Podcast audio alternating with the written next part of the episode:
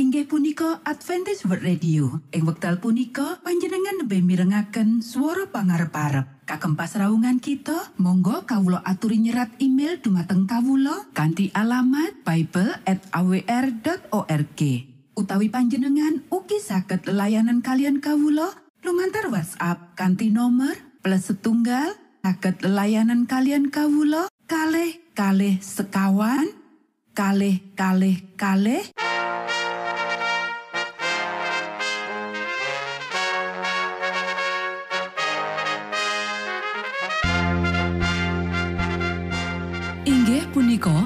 Adventist World Radio ingkang giaran kanti basa Jawi. Tentrem Rahayu kula aturaken kagem para mitra kinasih ing pundi papan lan panggonan.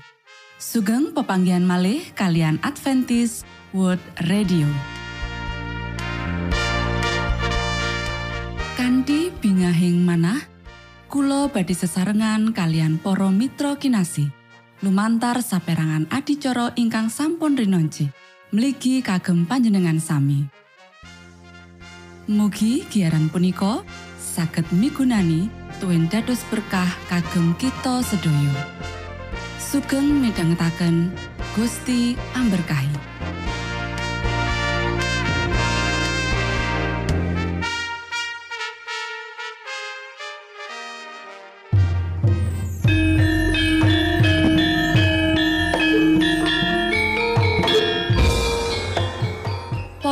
Pamirsa kinasih ing Gusti Yesus Kristus. Ing wekdal punika, kita badhe sesarengan ing adicara ruang kesehatan. Ingkang saestu migunani kagem panjenengan saha kita sami. Tips utawi pitedah ingkang dipun aturaken ing program punika tetales dawuhipun Gusti ingkang dipunnyatakaken ing kitab suci. Semanten ugi sakehing seratan ingkang dipun wangsitaken dening Gusti Allah. Nanging saderengipun, monggo kita sami midhangetaken kidung pujian.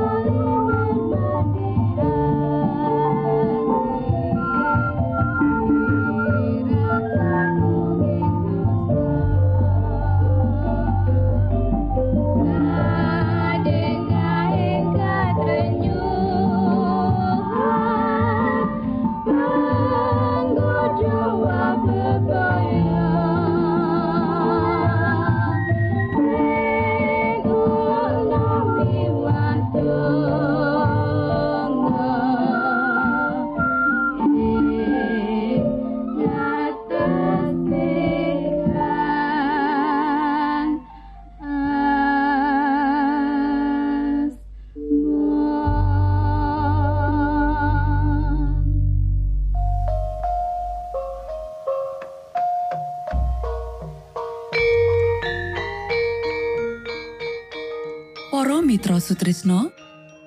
Puji syukur dumateng Gusti ingkang murbeng dumati ingkang sampun kepareng paring wewenngan kagem kita. Satemah saged nglajengaken ruang kesehatan. Pirembakan kita semangke kanthi irah-irahan. Kamurkan iku panerak gede.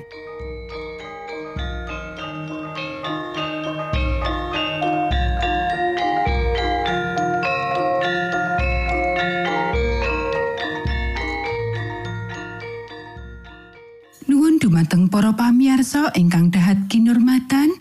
Sugeng pepanggihan malih kalian kula Isti Kurnaidi ing adicara ruang kesehatan. Ing dinten punika kanthi irah-irahan kamurkan iku panerak gede. Para sedherek ingkang kinasih, pesta sing ngundang kamurkan lan panganan sing dilebokake menyang jero weteng ing jabane jamangan loro-lorone ninggalake pengaruh tumrap saben jaringan alat pencernaan. Pikiran uga dipengaruhi dening apa sing kita pangan lan ombe. Makaryo banget kemempengen yaiku mbebayani marang remaja sing lagi tuwuh. Nanging atusan wong wis ambruk amarga nerak pepakon kerja abot iku dhewe, ora obah, mangan kakean lan foya-foya, kabeh nandur winih leloro ing sakjroning awak ewonan wong sing sikro tumuju pambosokan sing mesti. Para sederek, saperangan wong ora latihan kanggo ngendhaleni selerane, nanging manjakake selera iku nganti ngorbanake kesehatan. Sing dadi akibate, pikiran pedut lan males nganti gagal kanggo nglakokake apa sing kudune dilakokake menawa dheweke nyingkur diri lan urip prasaja. Bab iki ateges ngrampas Allah, yaiku tenaga fisik lan mental sing kudune dibektekake kanggo pakaryane menawa pertarakan sakjroning kabeh bab wis dilakokake. Paulus yaiku sawijining wong reformator kesehatan. Pangandikane mangkene. Nanging aku nglatih badanku sarta dakreh ing sakabe supaya sawise ngaparake Injil marang wong liya aja nganti yo aku dhewe ditampik. Piyambake rumangsa menawa tanggung jawab diselehake marang piyambake kanggo ngopeni kabeh kuasa awake tetep awet supaya piyambake bisa nggunakake iku kanggo kaluhurane Allah. Menawa Paulus dhewe ngrasakake ora tarak iku mbebayani, mula kita lagi ana sakjroning bebaya sing luwih gedhe amarga kita ora rumangsa lan ngakoni kaya piyambake ngenani wigatining luhurake Allah ing sakjroning badan lan roh kita. sing iya iku kagungane Gusti. Mula kakean mangan iku dosa jaman iki. Para sederek, Sabtane Gusti Allah mapanake dosa kamurkan lan kemendeman sakjroning daftar sing padha. Saipun gegirisi dosa iki ing pamirsani Gusti Allah nganti diparingake pitutuh marang Musa menawa sawijining bocah sing ora mbatesi selerane nanging ngiseni awake karo apa wae sing dipengenake selerane bocah iku kudu digawa dening wong tuane menyang ngarepe tuwa-tuwane Israel supaya dibalangi watu nganti mati. Para sederek kahanan kamurkan dianggep ora duwe pangarep-arep dheweke ora migunani kanggo wong liya lan ipat-ipat kanggo awake dhewe dheweke ora bisa dipercaya sakjroning bab apa wae pengaruhe tansah ngregeti wong liya. Donya iki bakal luwih becik tanpa tabiat kaya iku. Amarga pengaruhe sing gegirisi iku bakal kadawa-dawa. Ora ana ing antarane wong sing rumangsa tanggung jawab marang Allah bakal ngitini sifat kewan nguasani tetimbangan sehat. Dheweke sing nindakake iku dudu wong Kristen, apa wae dheweke, sepiro wae dhuwure pangkate. Sang Kristus nandesake, Mulane kowe padha sampurno kaya ramamu ing swarga iya sampurno. Ing kene panjenengane nuduhake marang kita menawa kita bisa dadi sampurno sakjroning lingkungan kita kaya dene Gusti Allah sampurno sakjroning lingkungane. Matur nuwun, Gusti amberkahi.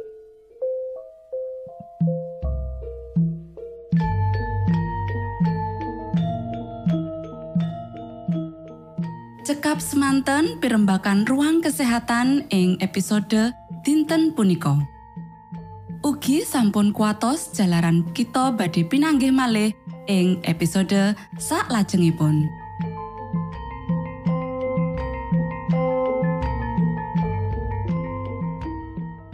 Inggih punika adicara ruang kesehatan. Menawi panjenengan gadah pitakenan utawi ngersakaken katrangan ingkang langkung Monggo Kulo aturi. Kinton email dateng alamat ejcawr@ gmail.com utawi lumantar WhatsApp kanti nomor 025 pitu 00 songo songo papat 00 pitu. Monggo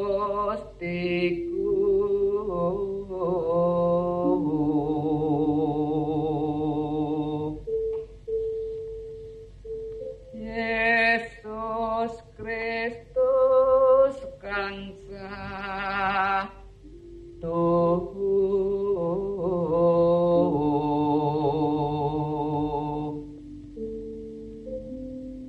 sesembahan kita. Rino pantarane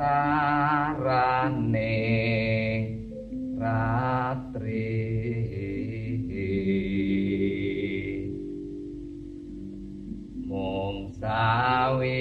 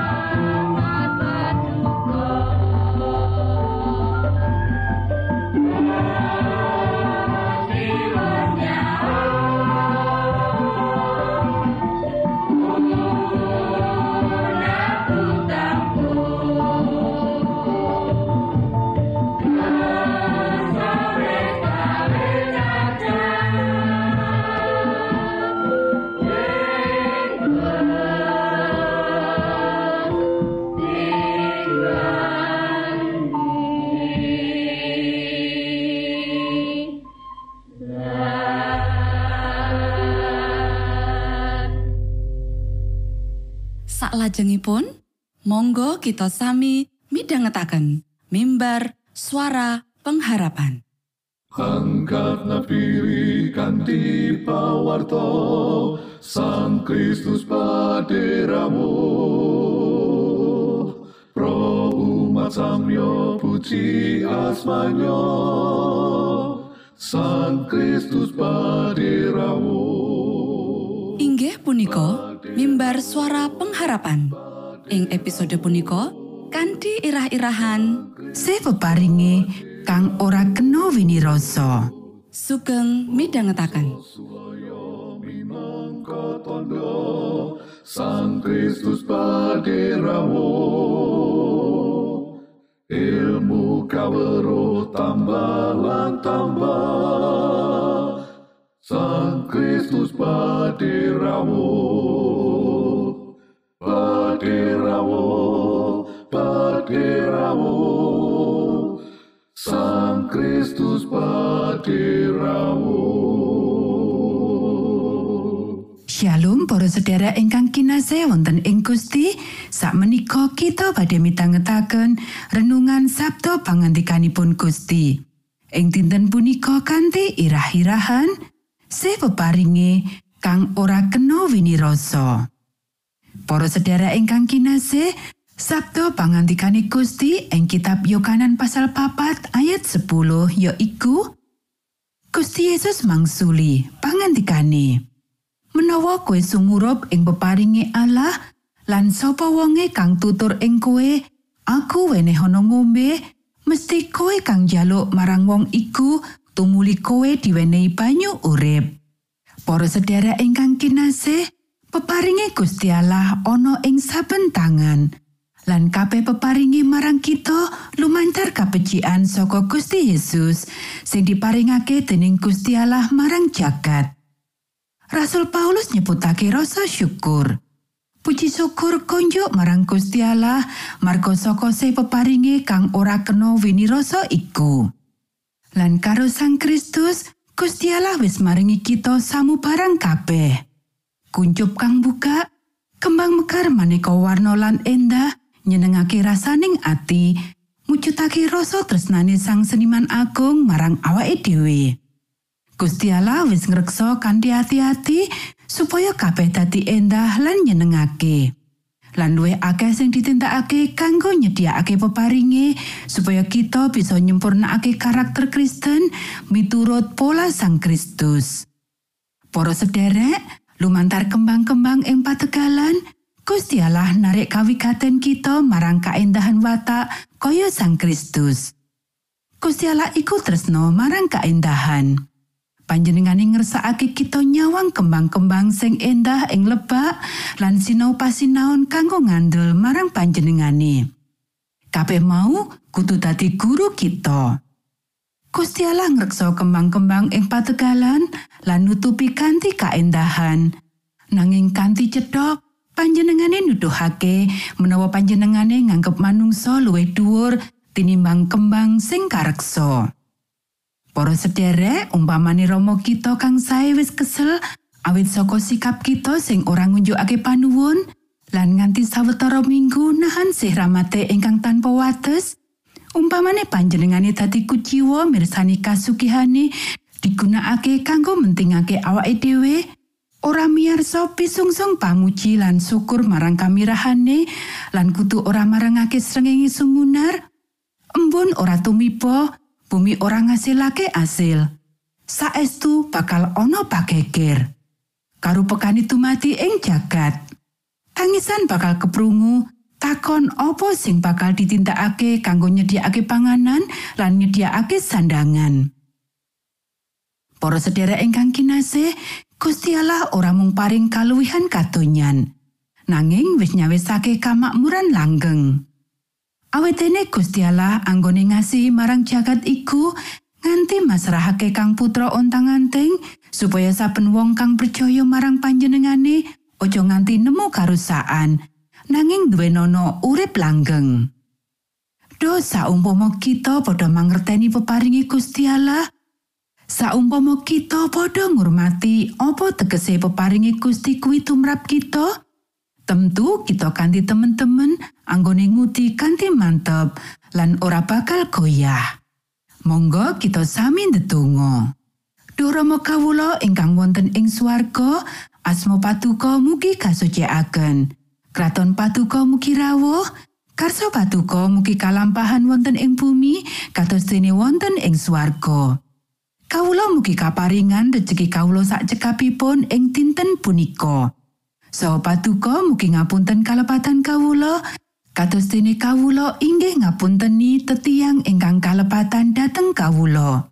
Punapa dene kawula mugi sampun ngantos katantukaken dhateng ing panggoda nanging mugi sami patuko uwalaken saking piawon. Awit dene patuko ingkang kagungan kraton saha wisesa tuen kamulyan salami laminipun. Amin.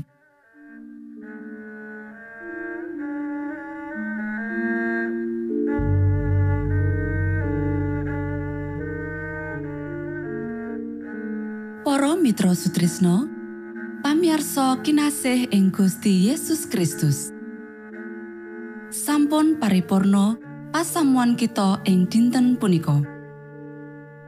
Menawi panjenengan gadah pitakenan utawi ngersaakan seri pelajaran Alkitab suara nubuatan Monggo Kulo aturi kintun email dateng alamat ejcawr at gmail.com utawi lumantar WhatsApp kanti nomor 025 pitu 00 songo songo papat 00 pitu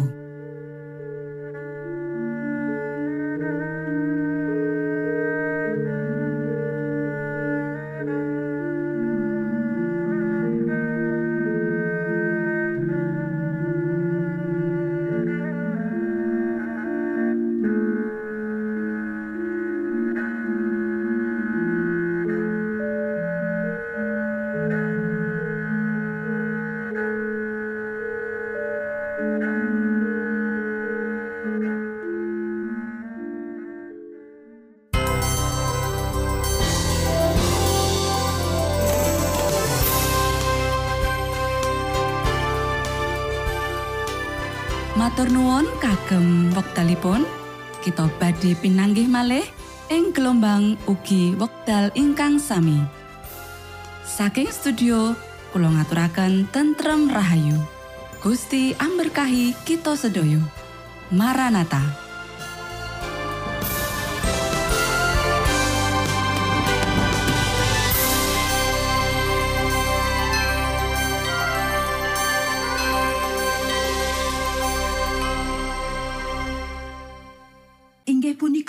Adventist World Radio. Ing wekdal punika panjenengan lebih mirengaken swara pangarep-arep. Kagem pasraungan kita, monggo kawula aturi nyerat email dumateng kawula kanthi alamat bible@awr.org.